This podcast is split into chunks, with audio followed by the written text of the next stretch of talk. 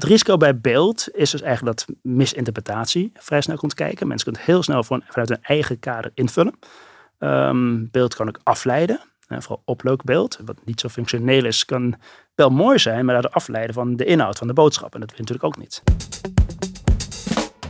Bij begrijpelijke taal denk je misschien alleen aan tekst, maar ook beeld valt hieronder. De gemeente Amsterdam heeft een eigen team beeld en taal en gebruikt beelden om brieven nog duidelijker te maken. Daar vertelt Stefan Baas vandaag over. Hallo Stefan. Hallo Silke. Leuk dat je er bent. Ja, dankjewel. Wat uh, doe jij voor werk? Ik werk voor de gemeente Amsterdam bij het team Beeld en Taal, zoals ze zei. Uh, dat is onderdeel van onze directie communicatie. En ik hou me daar bezig met, ja, we noemen het ontwikkelthema's. Dat zijn thema's of onderwerpen waar we iets mee moeten. Uh, die nodig zijn om ons vakgebied uh, te verbeteren of te professionaliseren. Thema's waar ik me bezighoud zijn onder andere laaggeletterdheid, uh, beeldgebruik dus en inclusieve communicatie. Oké, okay, dat zijn wel mooie onderwerpen. Zeker. En er is dus een speciaal team voor die onderwerpen die je net noemt. Onder andere, ja het is een heel divers team, beeld en taal. Um, er zitten tekstschrijvers in, onze tekstschrijvers, vormgevers, fotografen, filmadviseur, uh, huisstijladviseurs, ook nodig voor zo'n grote organisatie. En zelfs mensen die zich bezighouden met um, media-inkoop. Um, en een aantal mensen, zoals ik, die zich bezighouden met uh, ontwikkelthema's. En wat doen jullie dan allemaal als we het even hebben over duidelijke, begrijpelijke taal? Wat doet dat beeld- en taalteam nou, Naast dat we natuurlijk middelen maken, uh, houden we ons ook bezig met adviseren. We adviseren iedereen die, die een middel wil laten maken. Die kan bij ons terecht uh, voor advies en we geven ook trainingen. Um, en waar nodig ontwikkelen we ook standaarden, werkwijzen die de gehele organisatie kan gebruiken om hun werk makkelijker te maken. Ja, dus jullie staan een beetje in dienst van de gemeente Amsterdam. We zijn om daarvoor steeds nieuwe middelen te, te maken, te verzinnen. Ja, ja, eigenlijk wel. Werkwijze, standaarden om te zorgen dat um, andere communicatieadviseurs of beleidsmensen um, beter kunnen communiceren. En beter is dat dan um, met meer beeld in jouw opzicht? bijvoorbeeld, bijvoorbeeld. ja, daar kunnen we heel veel slagen inhalen om beeld beter uh, in te zetten. Klopt. Oké, en daar wil ik het zo meteen even over hebben. Uh, maar je noemde net ook dat je je bezighoudt met uh, laaggeletterdheid. Ja. Nou, laaggeletterde mensen die hebben moeite met lezen en schrijven. Dus het is heel goed dat uh, nou ja, jullie daar ook actief mee bezig zijn... wat jullie voor die mensen kunnen betekenen. Ehm, wat, wat doen jullie allemaal voor laaggeletterden? Nou, het begon inderdaad met lage letteren uh, enkele jaren geleden. En wat we daarvoor hebben gedaan is, um, we hebben een standaard taalniveau, vergelijkbaar met B1. Nou, hebben een schrijfwijzer opgesteld, waar gewoon in staat uh, alles van hoe je teksten opbouwt, uh, welke woorden je wel of niet kan gebruiken, of we bullets of blokjes gebruiken, hoe je uren, tijdstippen of getallen schrijft. Um, dat hebben we zo voor onze eigen organisatie uitgeschreven. En enkele jaren geleden hebben we dat aangevuld met een schrijfwijzer op A2-niveau. Echt gericht op mensen die moeite hebben met uh, taal. Um, we hebben ook een beslisboom gemaakt. Wanneer zet je nou A2-niveau uh, in? Wanneer is het nou wel aan te raden, wanneer niet? En we hebben ook een beeldwijzer gemaakt die ook gericht is op mensen die um, nou, moeite hebben met het verwerken van informatie. We geven schrijftrainingen, zowel op B1-niveau voor uh, brieven en e-mails, maar ook voor adviesteksten of beleids, beleidsteksten. Um, we hebben een aantal nou, tekstschrijvers en redacteurs in dienst die op uh, zowel B1-niveau als op A2-niveau uh, kunnen schrijven. En we zijn sinds kort uh, gestart met een schrijftraining op A2-niveau. voor communicatieadviseurs, redacteuren, um, nou, binnen onze eigen directie en binnen de directiedienstverlening die heel veel contact hebben met klanten. En wat we ook inzetten is de taal voor allemaal methodiek. Dat is een soort van methodiek die kijkt naar de volledige klantreis. Dus wel als je begint met een folder versturen en daarna moeten mensen contact met, nemen met de gemeente of een formulier invullen. Waar ligt nou het afbreukrisico? Waar haken mensen af? Uh, waar moet de uh, tekst eenvoudiger? Waar moet er meer worden gedaan qua vormgeving of beeld uh, of qua klantcontact? En die beslisbomen, Kun je mhm. daar wat over vertellen? Wanneer schrijf je op taalniveau A2 en wanneer niet? Ja, die beslisboom is eigenlijk ook geboren een beetje vanuit noodzaak, omdat um, het schrijven op A2-niveau is uh, ingewikkeld. Eenvoudig schrijven is het uh, meest lastige dat er is. Um, Dus we moesten ook echt keuzes maken van wanneer gaan we dat nu inzetten. Nou, we hebben gekeken van dat moet echt gebeuren als de informatie um, waar het over gaat, als die onmisbaar is. En we het over uh, rechten, plichten, um, persoonlijke gezondheid of veiligheid of um, teksten die gaan om het meedraaien in de maatschappij.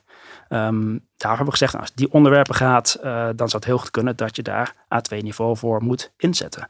Maar het middel zelf moet zich ook wel voorlenen. Weet je, kan een beleidstuk van 60 pagina's in eenvoudige taal gaan herschrijven, maar dan alsnog is het een draak om erheen te komen. Dus dat is ook niet, um, ook niet ideaal. Net als een hele krant of een nieuwsbrief is al echt te veel tekst voor mensen die daar moeite mee hebben om erheen te komen, zelfs in eenvoudige taal. Dus ook dat soort uh, beslissingen hebben we erin opgenomen, dat mensen die afweging kunnen maken, is mijn middel uh, en mijn onderwerp überhaupt geschikt om daar A2 voor te gebruiken dit onderwerp, daar ben jij dus al wel een tijdje mee bezig. Ja. En toen ben je op een gegeven moment gaan specialiseren of gaan uh, meer bezig gaan houden met beeldgebruik. Ja, klopt. Wat, wat ging je toen doen? Nou, enige jaren geleden, toen we dus met die schrijfwijze op A2-niveau bezig waren, kwamen we eigenlijk achter dat het niet alleen uh, ging om moeite met taal. En mensen die moeite met taal hebben, hebben vaak ook moeite met of rekenvaardigheden, digitale vaardigheden, een aandacht ergens bijhouden of probleemoplossend vermogen, maar vaak ook met visuele informatie.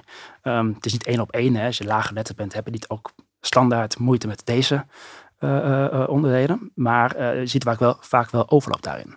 En we zagen het terug in een, onderzoek en individuele ervaringsdeskundigen um, dat mensen moeite hadden met het verwerken van beeld. Toen zijn we gaan kijken, wat voor onderzoek is er al? Wat voor tips en adviezen zijn er al? Nou, we hebben gekeken naar uh, organisaties, organisaties die zich hierover inzetten, zoals Taal voor Allemaal, Direct, Duidelijker, direct Duidelijk Gebruiker Centraal. Um, we hebben bureauonderzoek gedaan, zelf een beetje onderzoek ingedoken en daar zagen eigenlijk wel overeenkomsten. En dachten we, goh, ja, hier moeten we het mee. Hoe kunnen we dit praktisch maken? In ieder geval voor onze eigen mensen, maar ook voor nou, iedereen die er interesse voor heeft. Dus toen hebben we een, een beeldwijze opge, opgezet. In eerste instantie gericht op lage letter. Daarbij de tips die daarin staan, zijn voor iedereen relevant. Want je wil dat iedereen die beeld begrijpt. Um, en toen kwam de coronatijd. En dat was voor ons eigenlijk wel een springplank om uh, te experimenteren. Want de onderwerpen die daarin van toepassing waren, over gezondheid, veiligheid, uh, maatregelen van corona, uh, coronapreventie, vaccinatie, testen. Allemaal onderwerpen die voor grote doelgroepen interessant waren. En ook wel echt onmisbaar. Mm -hmm. Dus toen zijn we ook gaan experimenteren met beeld inzetten en hoe dat overkwam. Dus dat is echt een springplank qua kennis. En die kennis ja, zijn we nu aan het bundelen en het overdragen en zorgen dat dat um, nou, gedeeld wordt en iedereen daar wat aan heeft. Hebben jullie toen met corona ermee geëxperimenteerd? Dus omdat jullie toen voor het eerst deden? Ja, we kwamen er ook achter tijdens dat uh, bureauonderzoek, zou ik maar zeggen, dat um, er risico's zijn aan fotografie, dat niet elk beeld te duidelijk overkomt, uh, dat mensen baat kunnen hebben bij bijvoorbeeld realistische illustraties. Daar zijn we mee gaan experimenteren. Um, hebben veel ervaring opgedaan en dat was interessant, leerzaam. Um, ja, vanuit die optiek echt een springplank uh, qua kennis. Ja, dus jullie hebben er zelf ook heel veel van geleerd. Ja, we hebben er behoorlijk veel van geleerd. En dat is wel interessant om dat te, te blijven doorontwikkelen. En voor iedereen die um, ermee te maken heeft met, met beeld, om dat te bundelen en over te dragen. Dan is het uh, nu tijd voor de taaldilemma's. Ik leg jou een aantal taaldilemma's voor. Het zijn um, typische overheidstermen. Ik ben benieuwd. En jij moet kiezen. Um, ja, je moet gewoon kiezen tussen die twee. Ze zijn ja. eigenlijk allebei even erg.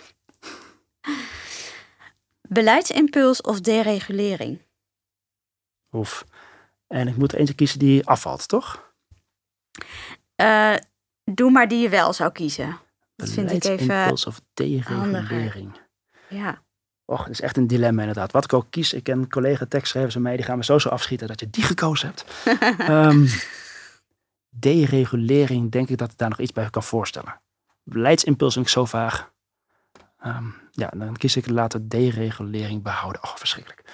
Stel je voor dat je er een beeld bij moet verzinnen. Ja, onmogelijk. Woonachtig of werkzaam? Hmm werkzaam. Laten we die behouden. Woonachtig kan je, gezegd, kan je gewoon zeggen wonen in. Ja. Wonen in. Eens. Ja. Ketenpartners of stakeholders? Stakeholders gebruiken te vaak. Oei. Gelukkig vooral intern. Um, Ja, ik vind het lekker, lekker backend woord. Ik heb toch wel een uh, guilty pleasure Engelse woorden. Oh, dat kan ik niet zeggen, maar Mag je bij mij niet zeggen? nee. Oké, we gaan voor stakeholders. Uh, verordening of sanctie? Oh, um, dat is een moeilijke. Allebei verschrikkelijk.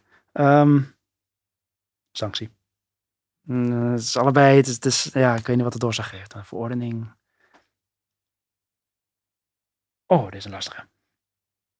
Eigenlijk heb je al gekozen. Ja, ik heb en ze zeggen je moet bij je eerste antwoord ja, blijven. Ja, dan hou ik erbij. Oh. En als je nou vanuit jouw werk een folder zou schrijven voor een inwoner, Mhm. voor inwoners, wat zou je dan gebruiken in plaats van deze woorden? Ja, verordening is helaas een woord dat nog wel vaak voorkomt en ergens naar verwijst. Dus dat, dat woord zal wel blijven. Er zal niet zijn uitgaan, denk ik. Oké.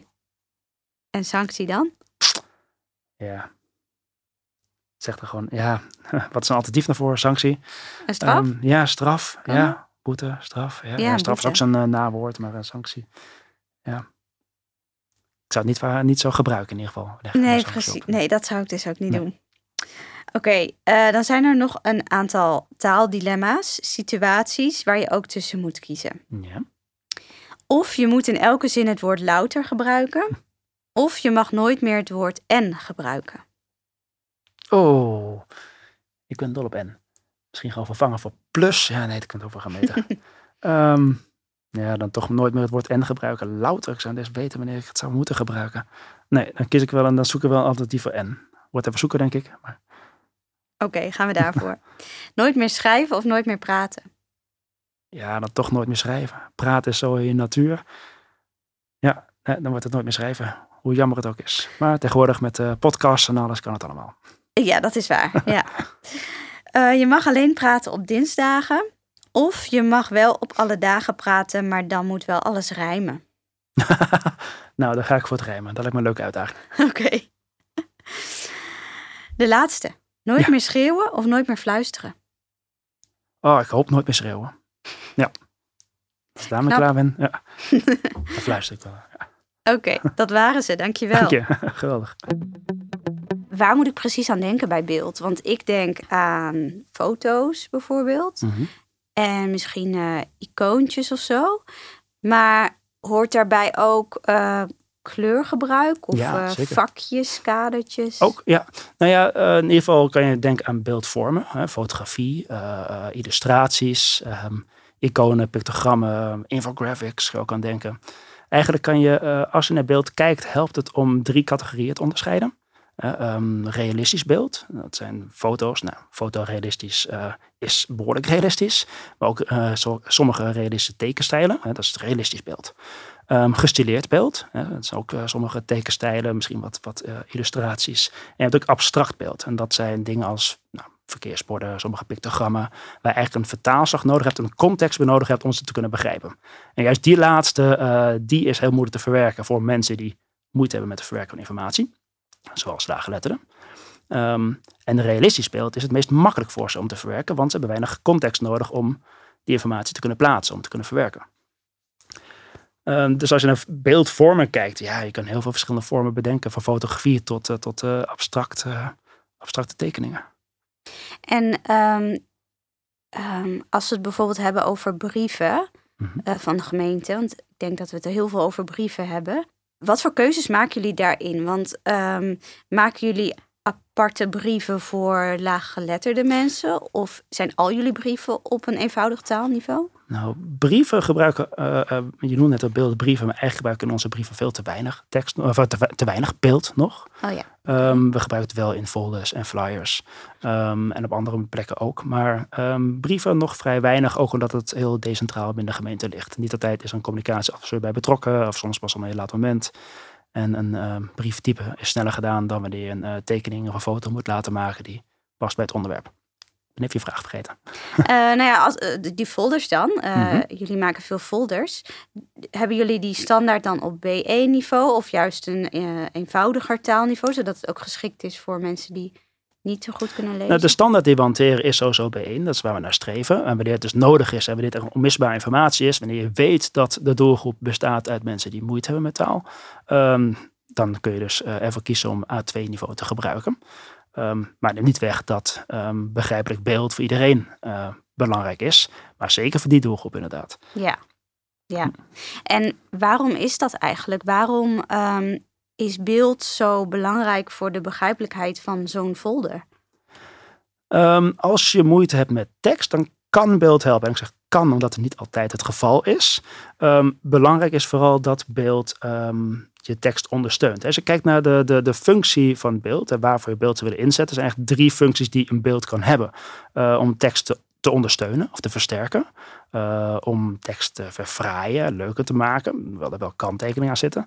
Uh, en om tekst te vervangen. Maar dat is het moeilijkste dat er is. Dus over het algemeen wil je eigenlijk dat je tekst, of je beeld functioneel is en de tekst versterkt, ondersteunt. Um, ook omdat het voor veel mensen makkelijker is om iets te herkennen dan om te herinneren. Dus als ze iets mhm. gezien hebben, kunnen ze het later makkelijker plaatsen dan wanneer ze ergens over gelezen hebben. Mensen zijn over het algemeen visueler ingesteld. Um, neemt niet weg dat er wel wat kan misgaan als je beeld uh, inzet. Want dat mensen visueel zijn, uh, um, visueel sterk zijn, betekent niet dat ze de informatie uit beeld ook altijd even goed kunnen verwerken.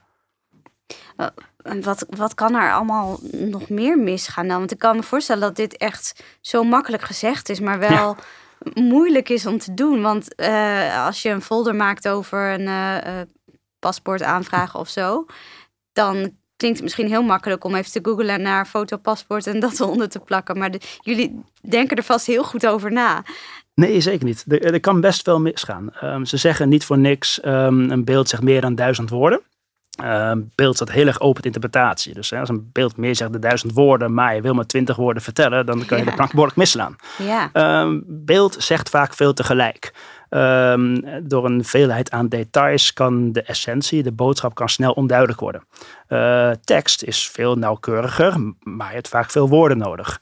En het is iets lastiger te verwerken, omdat mensen over het algemeen meer op beeld gericht zijn. Ja. Um, maar het risico bij beeld is dus eigenlijk dat misinterpretatie vrij snel komt kijken. Mensen kunnen het heel snel vanuit hun eigen kader invullen.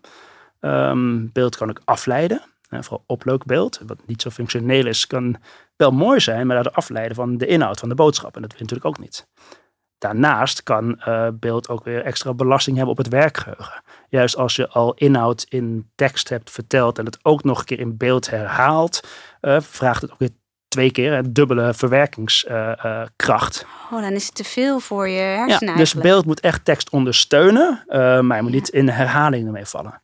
Uh, en dat is wel een uitdaging van waar ligt, die, uh, waar ligt dat kantelpunt? Wanneer is nou ondersteuning, wanneer val je in herhaling? en vragen echt te veel van de verwerkingscapaciteit. Nu snap ik ook dat er allerlei soorten mensen in jullie team zitten. Want je hebt iemand nodig met verstand van beeld, maar ook met verstand van tekst. Ja. En um, je noemde ook nog iemand die verstand heeft van film. Filmadviseur, vormgevers. Ja. Voor bewegend beeld. Ja. ja. er komt wel heel wat bij kijken hierbij. Ja, zeker. En ik kan me ook voorstellen dat het uh, zo, zoveel is dat er echt een beeldwijzer moet komen. Ja. Ja, en uh, nou, we hebben dus al een beeldwijzer, die staat een aantal jaar online, maar die is echt gericht op, nou, staat er lage letterden, maar dat is natuurlijk veel te beperkt. Want er zijn natuurlijk heel veel mensen die moeite hebben met het verwerken van informatie. Lage letterden is een hele grote groep, hè, ruim 2,5 miljoen. Maar als je ook aan mensen met een niet aangeboren hersenafwijking, met eh, ADHD, uh, eh, autisme spectrumstoornis, uh, of mensen onder zware stress of medicatie. Al mensen die op meer of minder niveau moeite hebben met het verwerken van informatie. En dat kan ook in beeld terugkeren. En dat zien we ook bijvoorbeeld uit onder, het onderzoek, dat als je een beeld test, um, dat mensen erover kunnen vallen, door, juist door een veelheid aan details of door overbodige details of... Um, dingen die op de achtergrond staan die er niet toe doen. Ja, dat is allemaal zonde als je een heel mooi beeld hebt geschoten, maar ze worden afgeleid door elementen in het beeld die eigenlijk niet relevant zijn voor je boodschap. Ja, en dat laat ook zien hoe belangrijk het is om te testen. Zeker. Vooral ja. onder deze ervaringsdeskundigen. Want wij kunnen wel bedenken van nou, dat leidt niet af. Maar als je hersenen anders in elkaar zitten, dan leidt misschien een een, een klein detail wel af. Of een, kleur, een stukje kleur of zo. Ik heb een paar keer bij uh, onderzoek aangeschoven gezeten. En de dingen die je dan hoort, die kan je eigenlijk niet bewerkstelligen als je wel geletterd bent, wel visueel of taalvaardig. Uh, je moet het echt testen. Wil je het echt goed terug horen wat beeld of tekst met iemand doet? Ja, test het. Het is echt de beste tip die er is. Maar uh, we hebben het nu dan over mensen die, die bijvoorbeeld laaggeletterd zijn mm -hmm. of uh, op een andere manier beeld anders verwerken dan gemiddeld of dan, Mhm. dan de norm, om het maar even zo te noemen. Maar is het ook zo dat beeld voor mensen die dat niet hebben eh, ook beter is om dat er, erbij te doen? Die wat niet hebben, die... eh, Die dus niet laaggeletterd zijn of die niet eh, ADHD hebben of een eh, aangeboren hersenafwijking. Is beeld eigenlijk voor iedereen beter? Nou, beeld kan helpen, maar je moet echt wel kijken of beeld een toegevoegde waarde heeft. Ik, ik zeg liever, eh, ik zeg altijd liever geen beeld dan slecht beeld. Je moet echt wel kijken of beeld een, een toevoeging heeft. Het is lang niet altijd nodig. Ehm, waar het toegevoegde waarde bij kan hebben, is bijvoorbeeld bij verschillende stappen wil visualiseren die mensen moeten doorlopen. Eh, we hebben bijvoorbeeld laatst een, eh, een, een folder gemaakt bij de verkiezingen. Welke stap moet je doorlopen als je stem wil uitbrengen? Of in coronatijd, welke stappen moet je doorlopen als je je vaccin wil halen? Ehm, en daar kan de mensen heel erg bij helpen om die stappen visueel te maken. eh, om die omschrijving te ondersteunen. Ehm, maar dat is de afweging die je moet maken. Voegt beeld wat toe? Ja. Dat is elke keer weer maatwerk. Ja. Ja. Ja, dus het houdt je lekker bezig. Daar houdt me zeker lekker bezig. Ja. Dit is ook een mooi moment voor de luisteraarsreactie. Pak hem er even bij. Ik heb namelijk een vraag gesteld aan mijn volgers op LinkedIn. Mhm. Voordat wij eh, gingen opnemen. Ik vroeg, lijkt het jou fijn om een brief van je gemeente te ontvangen met beeld erbij? Tussen haakjes, plaatjes of iconen of foto's. Ehm, toen zei, dus er waren 98 stemmen en 73% van de mensen zei ja, dat lijkt me wel fijn. 15% zei nee en 11% twijfelde nog. Ehm, en bijvoorbeeld een reactie die ik kreeg is van eh, Marion Mertens. Ze noemt zich tekentovenaar, dat klinkt mooi. Eh, zij is denk ik dan een voorstander van beeld. Eh, zij zegt ja, het lijkt me fijn om een brief te ontvangen met beeld erbij. Ehm, maar dan moet het de tekst wel verhelderen. Dus het moeten geen leukige illustraties zijn, maar de tekst visueel uitleggen. Ja. Ben jij daarmee eens? Ja, helemaal mee eens. Ja, ehm, beeld moet functioneel zijn. Idealiter eh, moet het eh, de gevraagde actie, het handelingsperspectief, moet het laten zien, verduidelijken. Ehm, als het goed is heb je een doel met de tekst die je eh, verspreidt. Je wil iets gedaan krijgen eh, als het goed is. En dat kan je met beeld heel goed, eh, meestal, eh, kan je daar met beeld heel goed in beeld brengen. Om te zorgen dat mensen dat beter begrijpen en daadwerkelijk gaan doen. Uh, dus ja, het moet echt um, um, je tekst begrijpelijk maken en iets toevoegen. Dan kan beeld een toegevoegde waarde hebben. Ja, dus als je het doet, dan moet je het ja. goed doen. Maar wat ze ook zegt, gewoon opleukbeeld, uh, ja, daar moet je echt oppassen. Het gebeurt nog te vaak dat we. Um, we hebben best veel aandacht tegenwoordig voor begrijpelijke tekst. Mensen die zijn er best veel bewust van. maar het gaat nog te vaak mis dat ze een tekst heel goed schrijven, herschrijven, kill your darlings, kort en bondig. En ik zeg, nou, die tekst is perfect. We kwakken er een foto boven en we sturen hem uit. En ja. daar gaat het vaak mis. Ja, jammer. Uh, dat de foto afbreuk doet. Ja, een bekend voorbeeld bij ons. We hebben laatst een, uh, een folder gemaakt over afvalscheiding. Met verspreid in de buurt. Met, hè, zo kun je verschillende afvaltypes um, nou, aanbieden. Aan de, aan de straat zetten, in een container doen, et cetera. Zo moet je ervan afkomen. Um, was heel goed herschreven. De binnenkant van die folder was op A2-niveau. Duidelijk met iconen die uh, het handelingsperspectief goed lieten zien. En de tekst versterkten. Maar op de voorkant van die folder was een foto geplaatst um, van een man die tegen een afvalcontainer geleund staat. En de titel eronder was: Zo houden de buurt schoon. Uh, door maar, niks te doen. Ja, door, hoe doe je dat? Door te leunen op een afvalcontainer. Ja. Die foto was, um, die foto paste niet goed bij uh, de titel, niet goed bij het handelingsperspectief. Met een risico dat je daarmee dus een afvalrisico doet. Die foto was misschien wel goed geweest bij een artikel of bij een quote van die man, hè, die zich aankijkt in de camera. Maar had die man een vuilniszak in zijn hand, uh, in zijn hand gegeven en hem in de container laten doen. Dan had je de handeling laten zien die aan, die weer aansluit bij je boodschap, bij de gewenste actie. En nu loop je het risico dat hè, die folder is het opengeslagen, omdat mensen al afbreuk hebben aan die foto op de voorkant. Dus dat die perfecte tekst aan de binnenkant oh, ja. niet eens gaan lezen. Ja, en dat, maar dat gebeurt denk ik best wel onbewust bij mensen. Want als ik zo'n ja. folder zou krijgen, zou ik niet letterlijk denken... oh, die man die staat daar te leunen en nu verwacht de gemeente van mij... dat ik eigenlijk ook niet zoveel actie onderneem. Dus ik leg deze folder maar weer weg. Maar het gebeurt allemaal denk ik in een fractie van een seconde. Wellicht wel, ja. ja. En bij sommige doelgroepen meer dan bij anderen. We hebben ook onderzoek gedaan, bijvoorbeeld bij uh, mensen met autisme spectrumstoornis of ADHD. Ik heb een foto voorgelegd van een vrouw die een gevraagde actie in beeld liet zien. Uh, maar uh, mensen met autisme die keken naar de achtergrond. Die was onscherp, maar er stond wel een persoon op. En die zeiden, die persoon op de achtergrond, wat doet hij daar? Ah, Of een oorbel die de vrouw in had. Mensen met ADHD, die werden daar gigantisch afgeleid. Door dat detail, wat een vrij groot oorbel was. Maar het deed het niet toe. Maar wel dat soort details waren afleidend voor ze.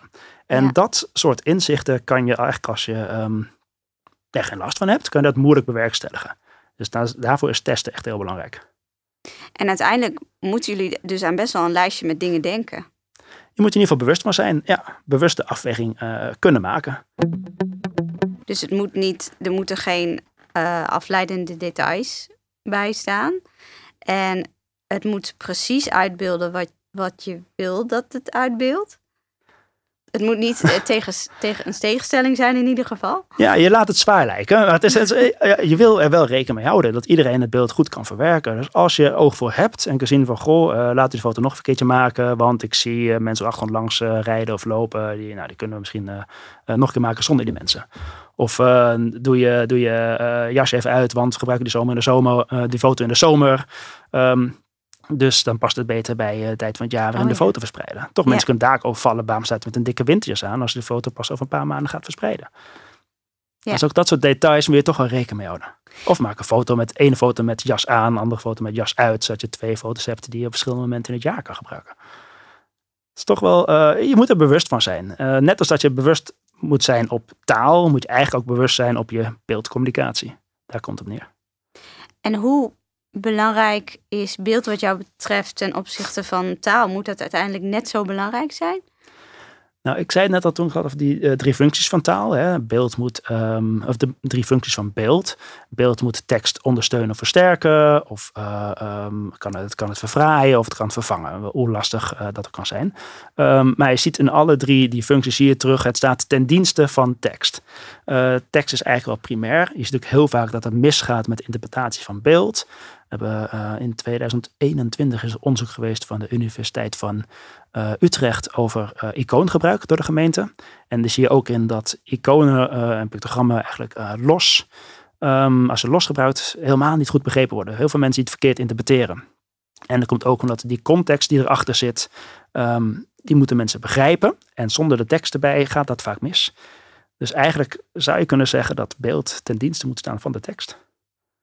Als je eh, tekst nodig hebt om beeld te verklaren, doe het eigenlijk verkeerd. Ja, oké. Dus het is andersom. Jullie zijn nog wel best wel vooruitstrevend bezig. Want het gebeurt denk ik nog niet zo heel veel dat gemeentes beeld gebruiken. Of in ieder geval zo goed mee bezig zijn. Zo goed een strategie erbij hebben. Nou, wij zijn ook nog in de kinderschoenen. hoor. Deze lessen die we nu hebben geleerd, maar ook intern nog beter eh, verspreiden, mensen bewust van maken. We hebben die kennis wel, maar nu is ook een kwestie van overdragen en ehm daadwerkelijk toepassen. Neem niet weg dat we die kennis graag delen. Ja, ook met andere gemeentes. Zeker, we hebben ook een contact met sommige andere gemeentes hierover, ehm, om van elkaar te leren. En te blijven testen. En ook inzichten die wij hebben, om die te blijven, blijven beproeven, blijven testen. Ja. ja. Dus jullie zijn er nog heel, heel druk mee bezig. Ja. En wat verwacht je over een paar jaar? Waar staan jullie dan? Nou, hopelijk dat we dan in ieder geval net zo bewust zijn op het inzet van beeld als dat we nu op taal zijn. Hè. Natuurlijk kan allebei nog beter, ook met taal zijn we nog lang niet. Ehm, maar wel dat we dat bewustzijn van hebben, dat we echt kritisch naar kunnen kijken. Want is dit beeld wat past bij eh, wat we voor oog hebben, wat we willen vragen? Ehm, versterkt het onze boodschap? Ehm, en welke, dat je bewust kijkt naar welke beeldvorm je inzet. Kies ik voor fotografie, kies ik voor illustraties of iconen, pictogrammen? Dat je daar goed over nadenkt. Ja, en dus ook allemaal jullie een beetje blijven volgen. Omdat jullie hier eh, onderzoek naar doen en kennis over delen. Ja, wij zijn niet de enige hoor, maar we delen deze ervaring graag. En ik hoor ook graag van anderen wat zij ermee mee doen. Want eh, veel van de ervaringen die wij hebben, hebben ook ehm, deels opgedaan van anderen. Ze noemden ze net al, tafel allemaal, direct duidelijk, gebruikerscentraal, andere gemeentes. Ehm, er is ehm, niet super veel kennis over beeld. Er zijn wel wat onderzoeken gedaan, maar ook wel verouderd. Of, ehm, nou, dus meer onderzoek is altijd welkom en wij blijven ook gewoon testen. Doen we veel te weinig, moeten ook veel mee doen. Maar als anderen dat doen, ja, blijf, laten we van elkaar blijven leren. Ja, dat vind ik een mooie oproep om, eh, om de podcast mee te beëindigen. Zeker. ik eh, wil je bedanken voor je komst naar Zwolle, helemaal vanuit Amsterdam. Ja, graag gedaan. En eh, fijn dat je hebt verteld wat jullie allemaal doen met beeld bij de gemeente Amsterdam. En ik hoop dat mensen die dit luisteren geïnspireerd zijn. Ik hoop het ook. Werk jij bij een gemeente of een andere organisatie met een breed publiek? En wil je met jouw communicatieteam aan de slag met begrijpelijke taal, of dat nou met of zonder beeld is, plan dan een gratis gesprek in mijn agenda via vet-simpel.nl. Die link die vind je ook wel in de omschrijving van deze podcast. Dan onderzoek ik graag samen met jou of mijn training of coaching iets voor je is. Leuk dat je weer luisterde en succes met schrijven deze week.